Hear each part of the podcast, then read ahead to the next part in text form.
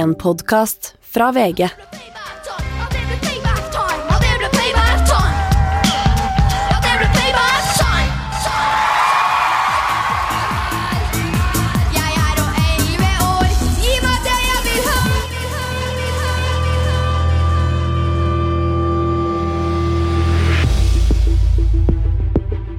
NRK.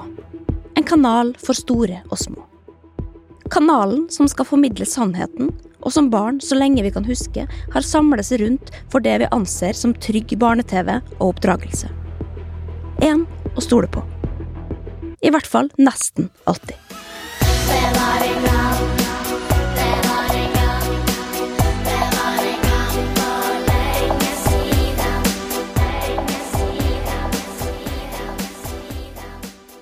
«2001 var et pinlig år for Norge. Mye takket være årets Melodi Grand Prix-representant Haldor Lærgreid, som hadde deltatt i den internasjonale finalen med powerballaden On My Own Again.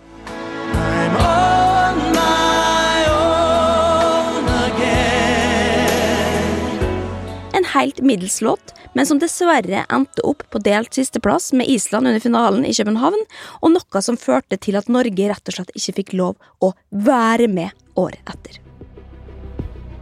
Verken NRK eller vi der hjemme hadde med andre ord så veldig mye å se fram til dette året. Så da er det jo klart at det må finnes på noe annet. Og når man ikke kan arrangere sangfest for voksne på TV, hva annet er det da å gjøre? Jo, vi arrangerer sangfest for barn. Og det er nå greit nok, det, altså, for noen barn de kan jo faktisk synge og danse, og har ikke minst eh, veldig lyst på TV. For vi har jo alle vært barn og kjent blodet bruse idet man ser NRK-bilen passere. Eller om man har sett et TV-kamera på åpen gate, og man liksom bare trekkes mot det, og man greier simpelthen ikke la være å smyges inn i bakgrunnen og vinke som en idiot og håpe på det beste, nemlig å synes på TV og på den måten automatisk bli kjendis. Men barn er jo også litt annerledes enn voksne, og derfor er det ofte sånn at man får litt andre spilleregler å forholde seg til. Skal man kjøre et voksenkonsept for barn, så kan det med andre ord være en idé å tilpasse konseptet litt. Rett og slett gjøre det litt mer barnevennlig. Men ikke nødvendigvis, tenker NRK.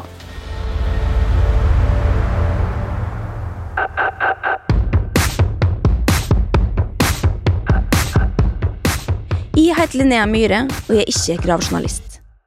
Men jeg er veldig glad i detaljene du trodde at ikke du trengte, og i dag skal jeg ta deg med tilbake til et historisk arrangement i norsk TV-historie. Nemlig tilbake til da NRK for første gang inviterte barn fra land og strand for å delta i det som skulle bli juniorversjonen av TV-suksessen Melodi Grand Prix uskyldige og uvitende barn med interesse for sang og dans, og som nå skulle eksponeres på direktesendt TV i beste sendetid. Det kunne jo ikke bli noe annet enn bra.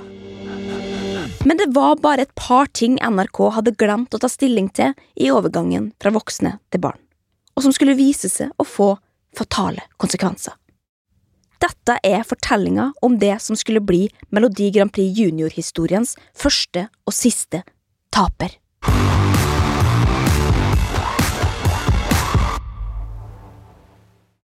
Før jeg begynner historien om hvordan dette her gikk, så har jeg gjerne lyst å komme med en liten disclaimer. For det er en viss fare for at denne episoden blir ja, noe selvopptatt, altså. Men det er med god grunn. For jeg var nemlig med i den første sesongen av Melodi Grand Prix Junior. I was in the room. Og sjøl om jeg ikke personlig satt på det der, ja, beige utviklingsrommet da, på NRK la planen for hvordan selve showet skulle se ut, så kan jeg i hvert fall si at de har noe realkompetanse her, og at de nok derfor også er noe farga av opplevelsen. Uten at de skal røpe så mye, da, men det er nok ikke tilfeldig at de fikk psykiske lidelser kort tid etter dette programmet, men det skal vi komme tilbake til. For vi kan jo med en gang si at Melodi Grand Prix Junior har fostra mang en stjerne. Og ser vi vekk fra første sesong, som vi skal snakke om i dag, da, så kan vi nevne i fleng. La oss for eksempel begynne på topp, da, med Atle Pettersen, som eh, deltok i 2003 med låta Hekta på brett.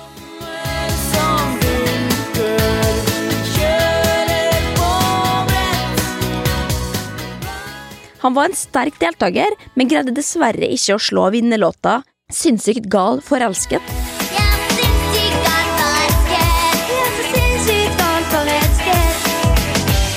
Som jo ikke er så veldig rart, da, for herregud så vill den låta der var, altså.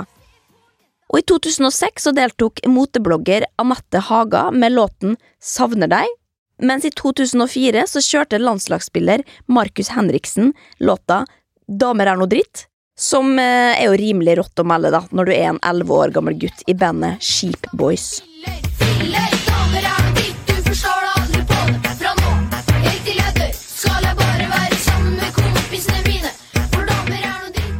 Ja, og så har vi Peder Losnegård, da, eh, som er tidligere kjent som Lido Lido, eller eh, Lido eller Peder, eller hva faen han heter akkurat nå, som i 2005 i hvert fall imponerte stort med låta Hiphop selvbiografi.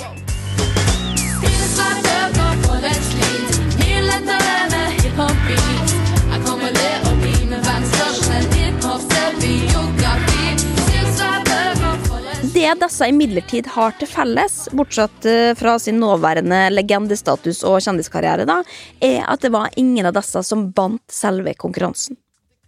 For det var ikke før Agnete Johnsen sammen med The Black Sheeps og Oroje Skabena i 2006 at MGP Junior virkelig blei en greie og et slags springbrett for barn som ville bli tatt på alvor som artister. Oroje Skabena. Oroje Skabena. Det var ikke lenger nå bare noe man arrangerte for å se søte barn drites ut på TV, og i 2012 så stakk også hele Norges gullgutter, Marcus og Martinus, da, av med seieren med låta Som to dråper vann.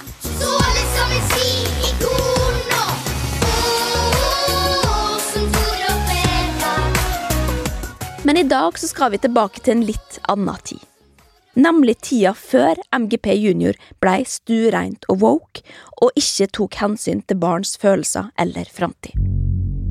Jeg skal ta det med tilbake til 2002 og det som skal bli Norges aller første Melodi Grand Prix Junior. For det skjedde i de dager, en tidlig oktoberdag i 2001, at NRK utlyste deltakere i alderen 8 til 15 år for deres nye satsing i Bergens Tidende forteller prosjektleder i barne- og ungdomsavdelinga i NRK, Marit Tefre, om konseptet. Vi skal lage et fantastisk show der vi tar unges musikk på alvor. Vi ønsker oss stor spredning i musikalitet og sjanger. Tekst og melodi skal skrives av deltakerne selv, og sangen må også framføres på norsk. Bidraget med best melodi, tekst og fremførelse vinner. Og med de instruksene klare kasta barn og unge i hele landet seg rundt. Nå skulle det både skrives sang og melodi til den store gullmedalje, og mens foreldre flest kryssa fingre for at det skulle gå til helvete, så de slapp å gjøre barna sine sultne på drømmen om uoppnåelig artistkarriere, så var det andre foreldre som var av det litt mer støttende slaget.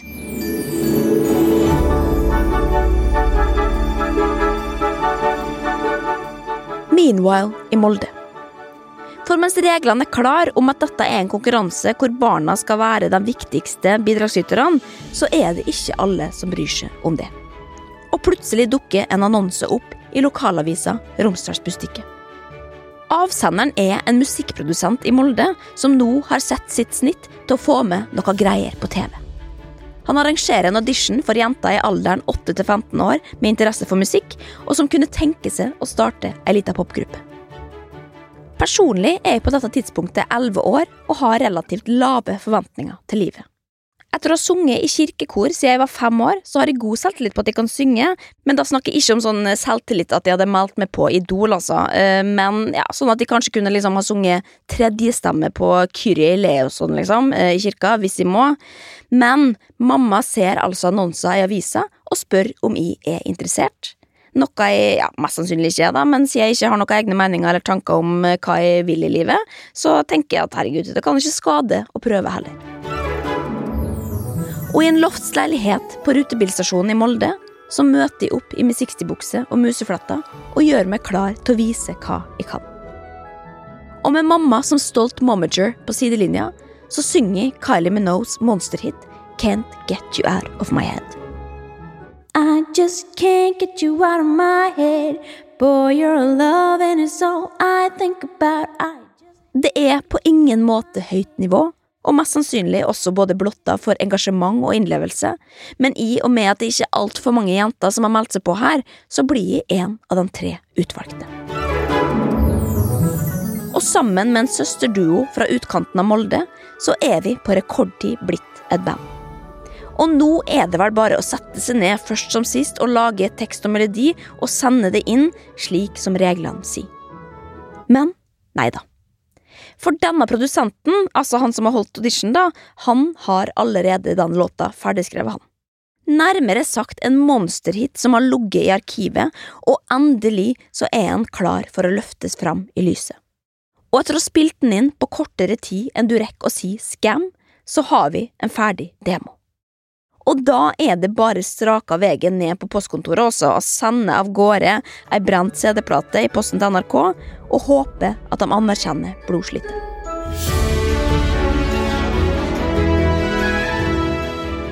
Tida går, og fristen for påmeldelser går ut. Nå venter barn og unge spent på postmannen med brev fra NRK, og det er totalt ti stykker som plukkes ut til finalen i Spektrum. Og plutselig en dag så dumper et brev ned i postkassa. Med logoen fra selveste Statskanalen trykka på forsida, rives konvolutten opp med skjelvende hender. Og der står det, svart på hvitt. Du er blant de heldige som skal få delta i finalen i Oslo Spektrum.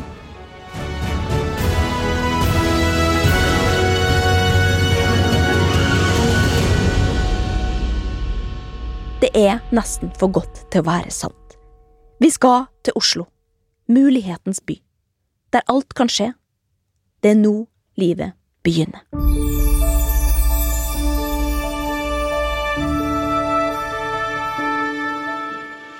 Tida går, og vi snubler oss inn i et nytt år. Det tikker mot finale i Spektrum, og nå går det også rykter om at de beste deltakerne skal gå videre til en internasjonal finale mot Danmark og Sverige.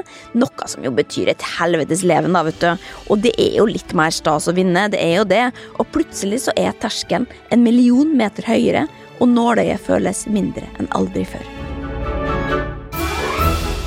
Hjemme i Molde øves det på både sang og dans, og det blir investert store penger i koreograf. Lokalnyhetene er som vanlig mildt sagt ståka for at det er ungdom fra selveste Romsdalen som skal delta i noe så enormt som Melodi Grand Prix, og sender selvfølgelig ut sin beste NRK-journalist for å få en prat med de tre jentene som skal representere kommunens ære. Det er først produsenten som skal gi noen lovord om de tre utvalgte. De er veldig flinke til å synge, for det første. Veldig sjarmerende utstråling. Litt rampete. De, de, er veldig flinke. Det er de rett og slett. Ja. Men så, mine damer og herrer, kommer vi til den biten som handler om det å ha skrevet sangen sjøl.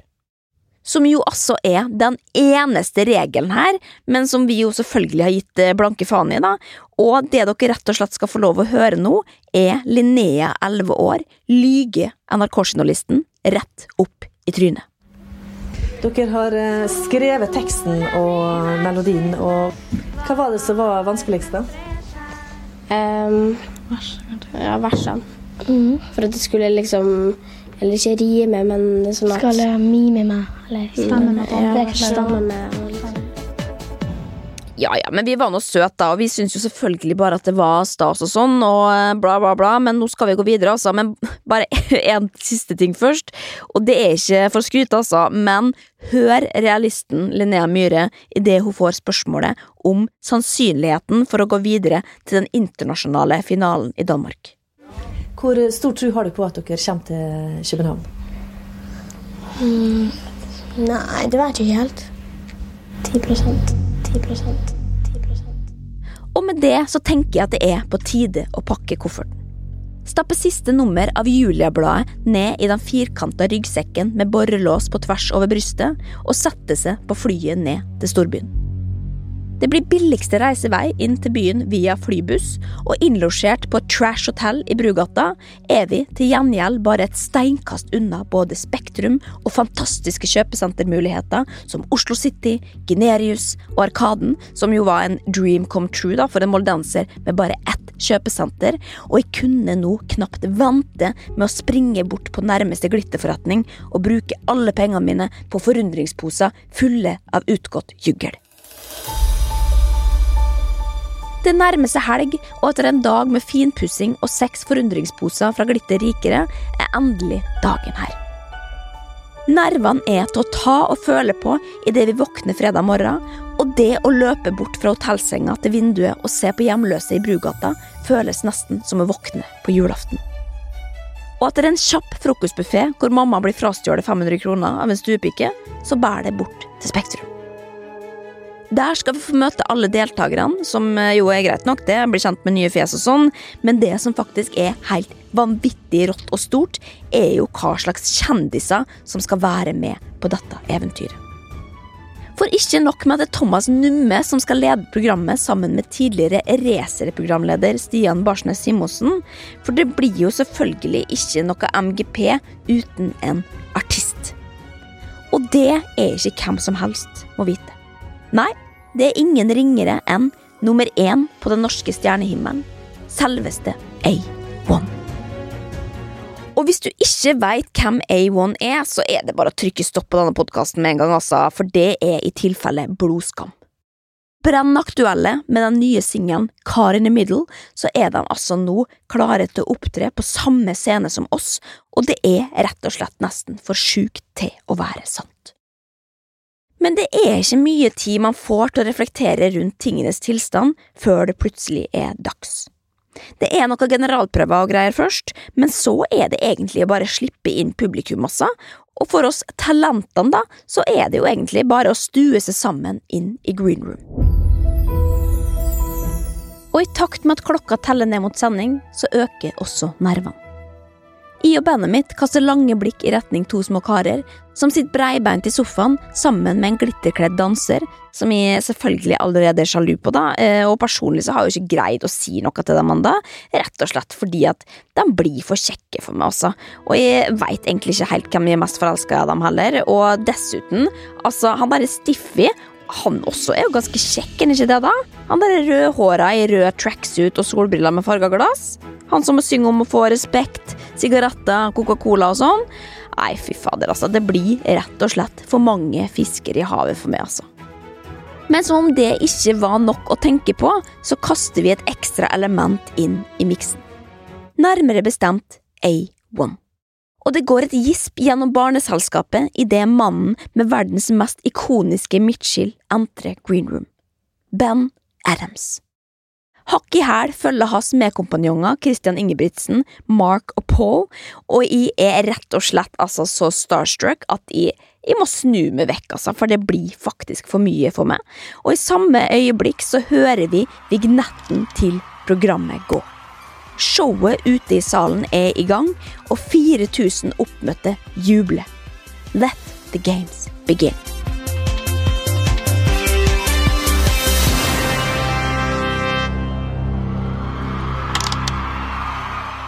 Og da kan vi jo bevege oss over til selve showet og introen, da, som ja, Jeg må innrømme at jeg hadde glemt litt, altså. Eh, men som er en slags mashup da, av alt fra ballettdansing til breakdansing og folkedans og ballroom.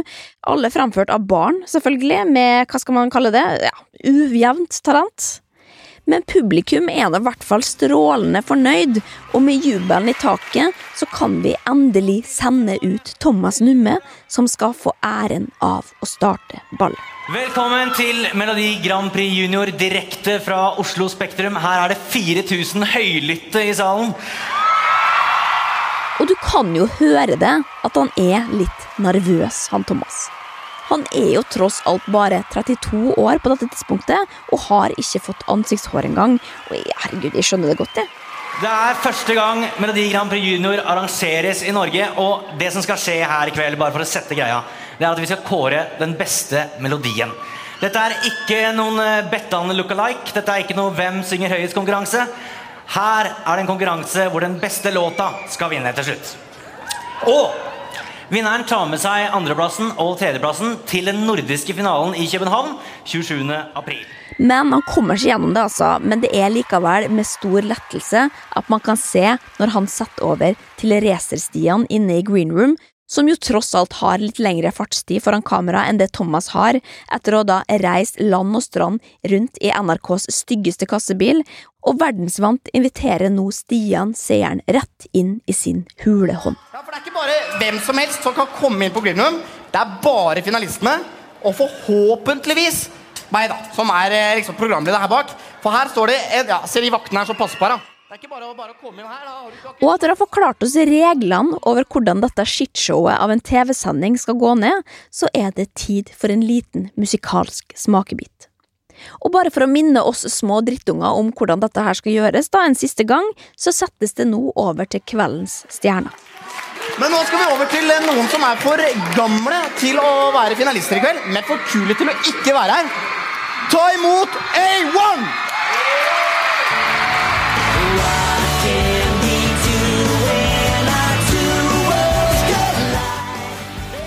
Og det du hørte der, det var altså A1 med låta 259, som jeg faktisk ikke kan huske å ha hørt før, altså.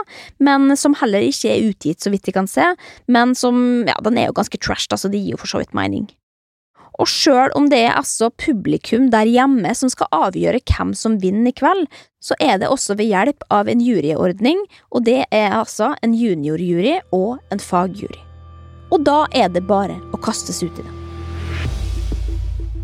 Og det jeg nå tenker at vi skal gjøre, det er rett og slett å gå gjennom bidragene låt for låt.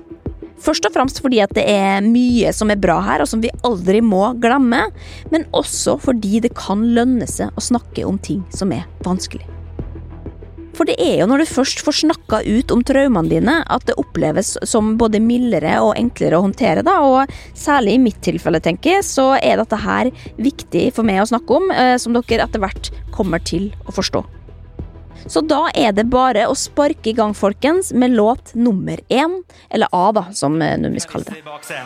For det er nå det gjelder. Det er nå alvoret begynner.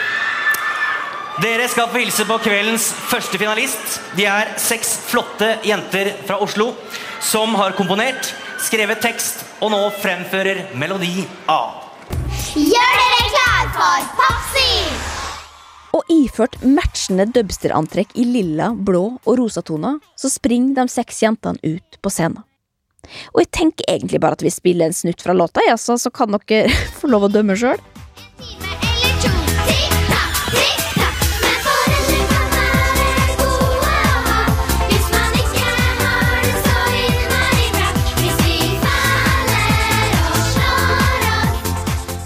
Og det er når jeg egentlig ser dette her, altså at jeg tenker på hvor talentløse mange barn er. For dette er altså så utrolig dårlig på ja, egentlig alle måter, altså. Både vokalt og utførelsesmessig. Og dansinga, altså Det er sånn at man, de stiller seg liksom foran hverandre på rekke, og så lager de sånn sommerfuglformasjon med hendene og sånn. Og det er rett og slett ganske flaut, hele greia. Men uansett, vi skal videre, for nå er vi i gang, folkens, og nå skal vi til Vestlandet, hvor vi skal ha å gjøre med en litt eldre artist. Hun heter Adele, er 15 år og kommer fra Kverneland. Hun har 2000-tallets aller råeste sveis, altså svart under og så rødt oppå, og bare for å sette lista, så introduserer Thomas henne på følgende måte. Neste finalist liker å drømme seg vekk. Og for tiden så drømmer hun om å danke ut Dido og å sitte på MTV Awards og høre ordene And the winner is Adele. Som er jo litt artig, da, med tanke på at vi faktisk fikk en annen artist ved samme navn, og som, eh, ja, la oss være ærlige, altså, blei litt mer kjent, altså, og som mange en gang, ikke minst, har sittet i salen under MTV Awards og faktisk fått høre akkurat de ordene. Men drit nå i det, for Adele hun har skrevet sang, og det ville ha vært feil å si noe annet enn at hun har både ambisjoner og budskap på plass. Jeg drømmer om å bli artist, og jeg drømmer om å få treffe Eminem og kanskje lage en sang med. Ikke vær redd for å være deg sjøl, ikke vær redd for hva andre kommer til å si, bare vær den du føler for å være.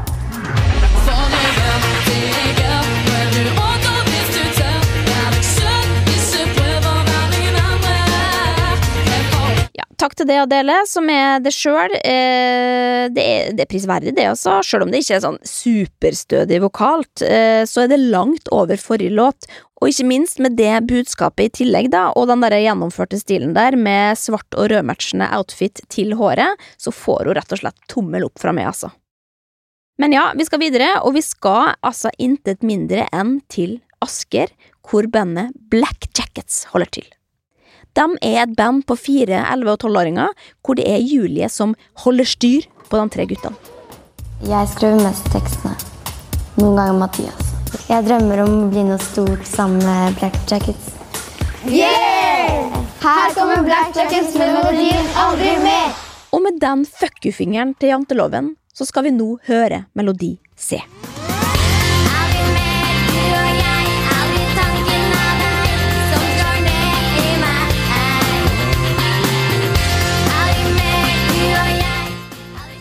og dette kan jo bare si med en gang at dette her, folkens, det er en jam.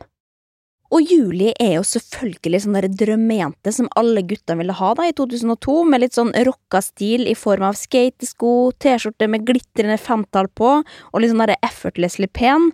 Og sjøl om jeg husker misunnelsen over både klærne, håret, væremåten og kroppen hennes som om det var i går, så skal jeg være raus i dag også og si at dette her er en av de bedre melodiene dette året. Men så, folkens, vi skal videre og det til intet mindre enn Trøndelag og hele Norges Charite. Hei, jeg heter Charite og er ti år gammel og bor i Trondheim. Mitt forbilde er Britney Spears. Og med det sagt Og nå Britney Spears, Eat Your Heart Out. Her er jenta som har skrevet Melodi D. Når hjertet mitt bakke, vet jeg at du kverner, kverner.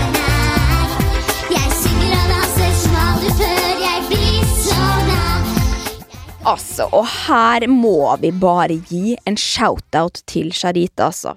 For ikke bare er denne låta helt vilt bra, men også dansinga her, som er altså synkron koreografi utført på sånne hjertestoler da, som alle hadde på denne tida, og Charite med musefletter og singlet i plysj, altså. Dette er fader meg det søteste jeg har sett noensinne på TV, altså, og jeg vil faktisk gå så langt som å si at Charite blei robba for seieren. Men ja, så over da til noe litt annet. Vi er gruppa Uttrykk Is og kommer fra Bø i Vesterålen i Nord-Norge. Det var jo et sjokk å få høre at vi skulle være med i Grand Prix. Vi får kjendisstatus i Bø, for det er ikke så mye folk der.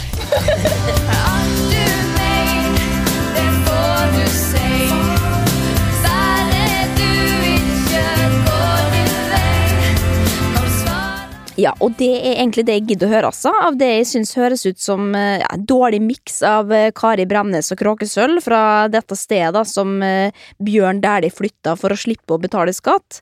Og dessuten så må jeg bare si at de er altfor gamle, og de har dårlig stil, og de har kjerringsveis hele gjengen, hvis det er lov å si. Og ja, ellers takk, altså. Next. Men så, veit dere, har vi kommet fram til gullet. Og kanskje det aller flest husker fra dette året. Gutta bak neste bidrag de vil gjerne bli husket som lave, smarte og kule. De fikk ideen til låta Payback Time da de uh, så Mel Gibson gå bananas på film. Det er klart for Melodi F. Jeg heter Kristoffer, jeg er 13 år og kommer fra Asker. Jeg heter Nikolai, jeg er 13 år og kommer fra Bærum. Og sammen er vi to små karer. Her kommer sangen Payback Time.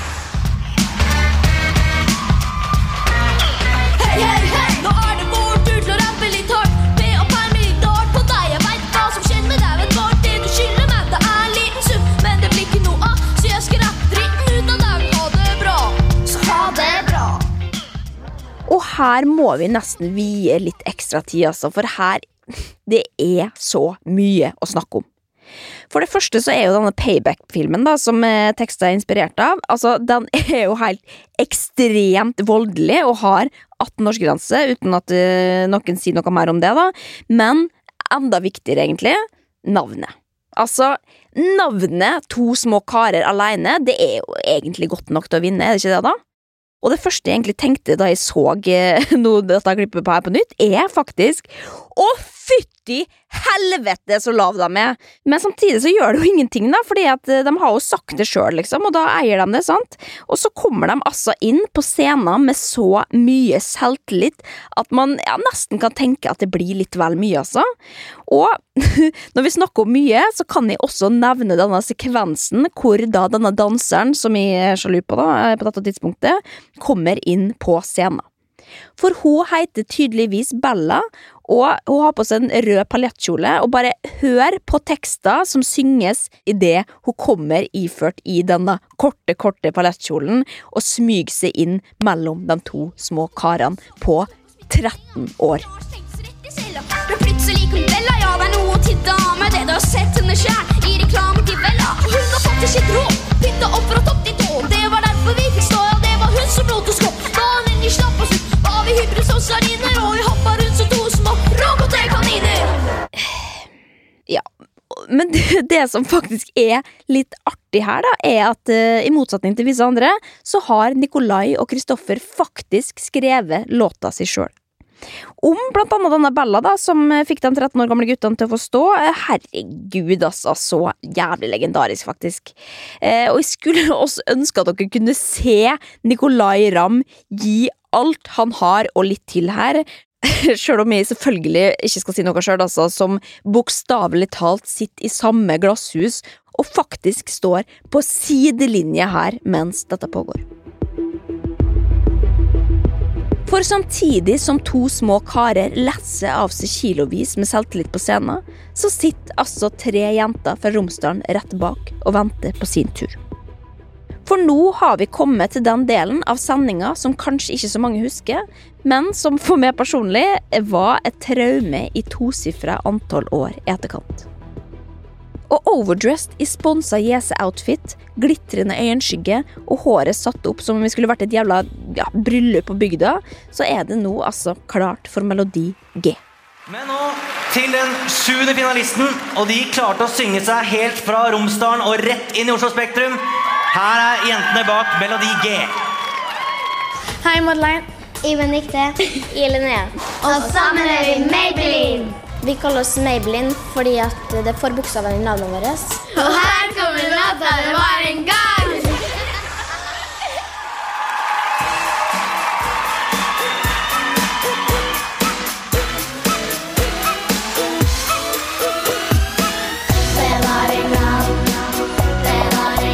Nei, her, altså her Her må jeg bare avbryte, altså. At dette her Det går ikke. Altså, nå har jeg sittet og trashtalka de andre for å være ræva, og så kommer vi opp på scenen her med det som må være tidenes jævligste låt, og vi greier ikke engang å treffe en tone.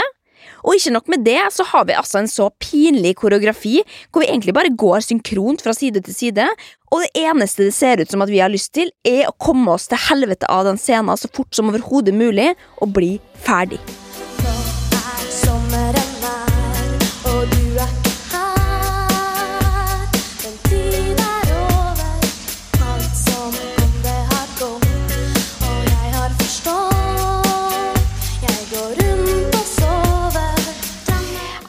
Er rett og slett uverdig, altså. Og faen, jeg trodde at dette skulle bli gøy, men nå angrer jeg.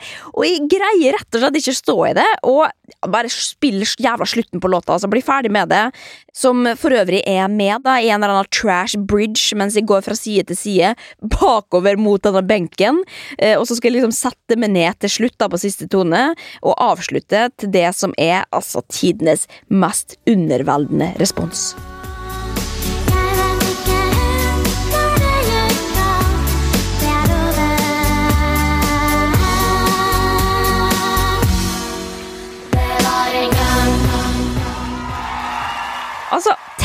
Lage en så dårlig låt at man ikke engang blir mistenkt for å ikke ha skrevet den sjøl. Altså, fy fader. Men eh, det, likevel, altså, det ser ut som at vi er fornøyd, og jeg kan faktisk huske lettelsen idet jeg gikk av scenen over at det gikk ja, bra, trodde jeg da. Eh, som er jo en følelse kun en elleveåring kan ha, da. Eh, ikke gammel eller skada nok til å ha et snev av selvbevissthet eller innsikt ennå. Og vi sprang tilbake til de andre barna og tenkte at eh, ja, vi er nå like gode, vi, som dem, og lente oss tilbake i sofaen, klar for å se på de tre siste finalistene. Neste gruppe ut er Wicked Instinct fra Bergen, som er hva skal jeg kalle det, en slags blanding av Justin Timberlake da, og Alicia Keys, som eh, synger om noen som er død i låta Jeg er ikke aleine.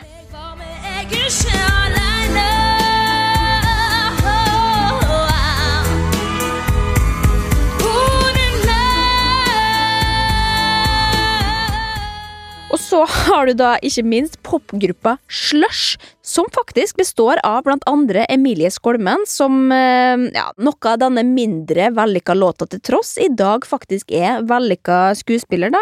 Og du, ja, du kan jo bare høre på denne låta, altså, som handler om det å være sjuk.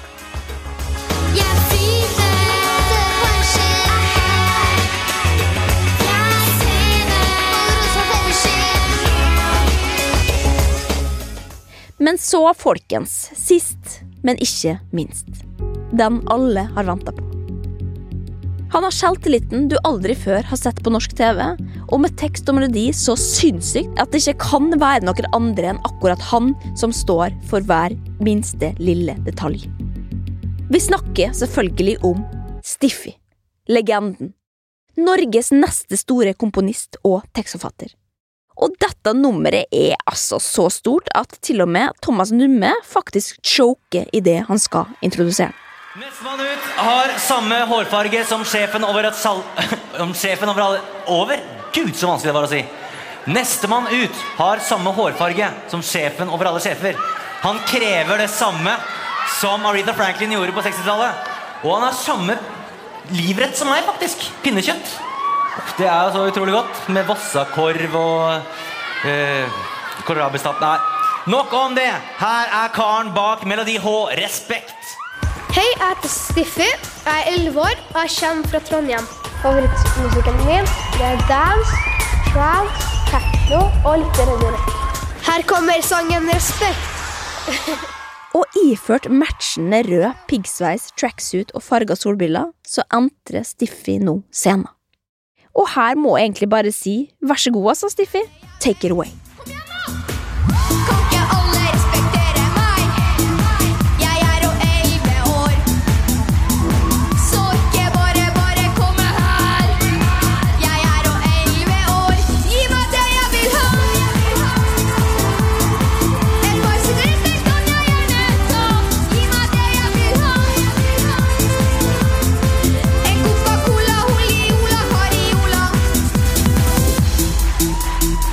Altså, hører dere hvor bra dette trans-soundtracket er?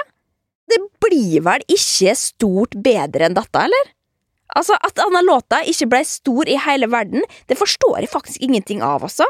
Og enda mindre forstår jeg hvordan Stiffy med denne låta ikke kunne vinne hele driten, stikke rett til den internasjonale finalen og bare hente med seg all den respekten han kunne få. Altså, for en legende!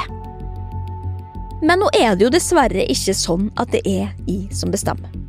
For én time inn i dette halvannen time lange drømmeshowet, så har vi nå kommet til den delen av programmet hvor det faktisk skal kåres en vinner.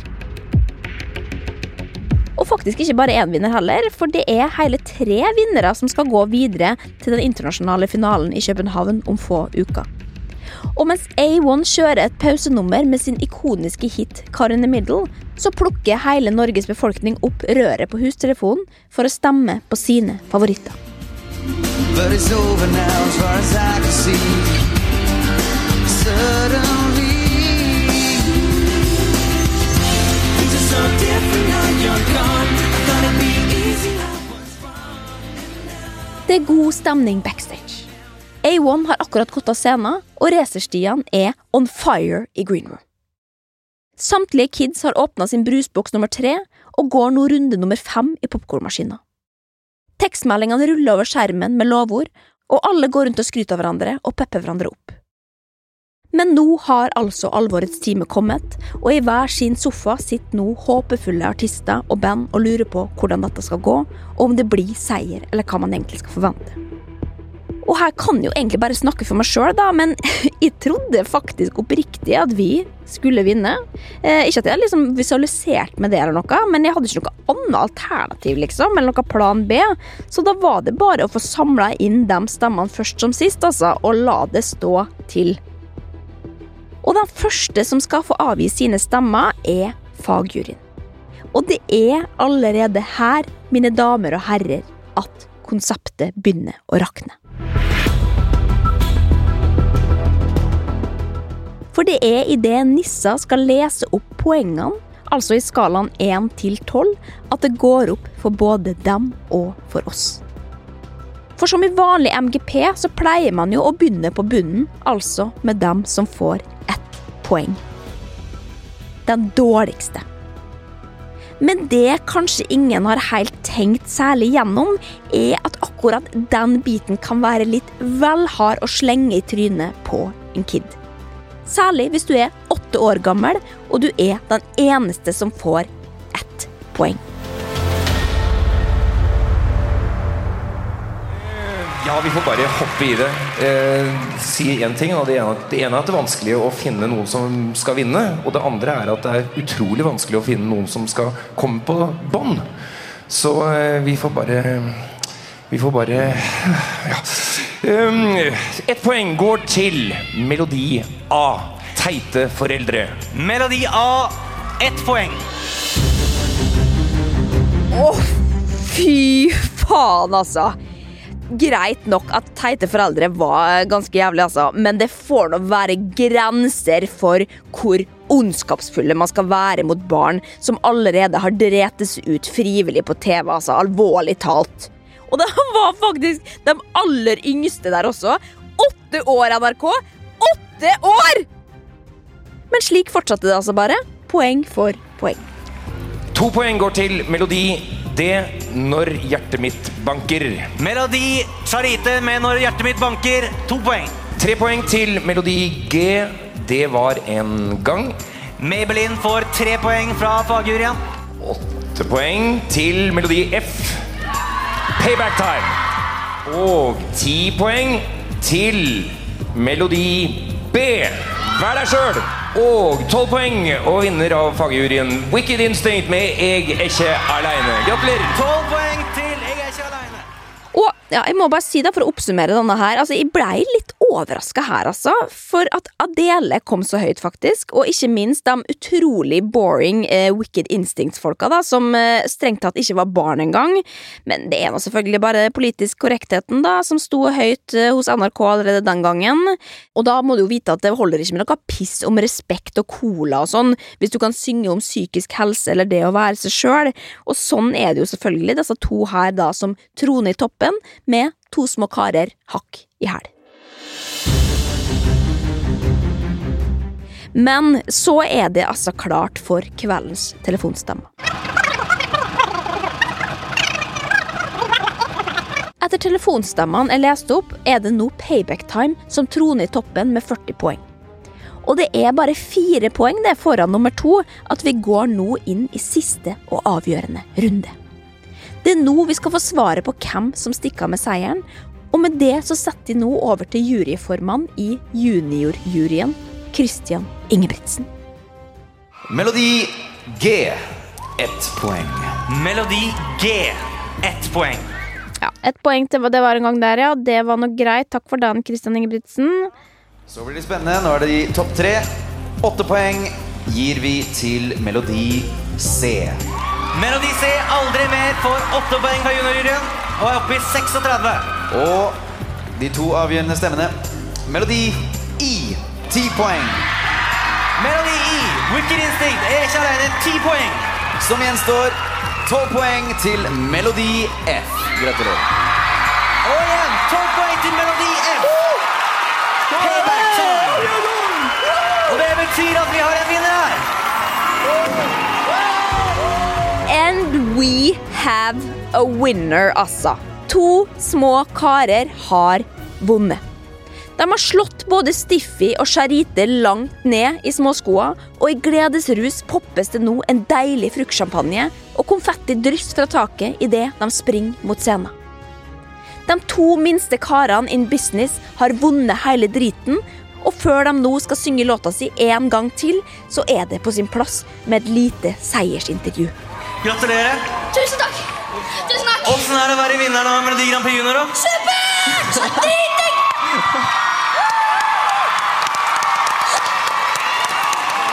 Hvordan blir det å gå på skolen på mandag nå? Jævlig tøft! Helt rått! Ja, og det tror jeg på. At det er helt rått å gå på skolen etter å ha vunnet historiens første Melodi Grand Prix Junior. Tenk alle de high-fivene, blikkene og damene dere kommer til å få. Å, fy faen. Men veit dere hva som ikke er like rått?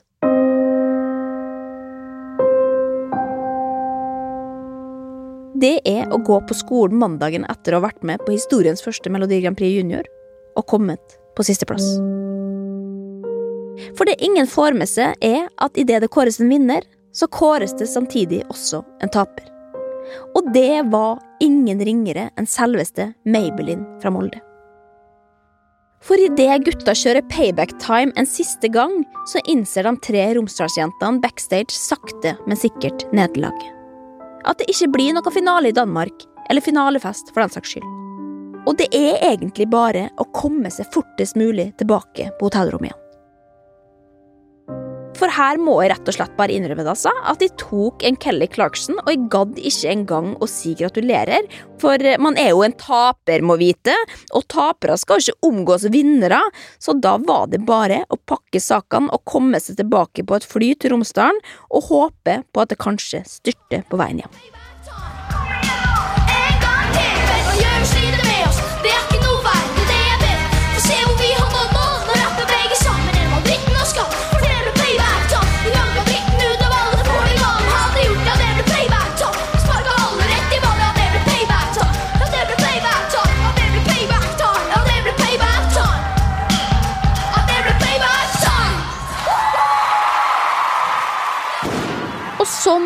endte altså historien om den første Melodi Grand Prix Junior-sendinga. To små karer gikk seirende ut av det og tok med seg Black Jacket og Wicked Instinct til Danmark. Litt drøy tekst og høy selvtillit til tross, så var Norge likevel overbevist om at to små karer skulle vinne, men de endte på en sjuendeplass av totalt ni deltakere.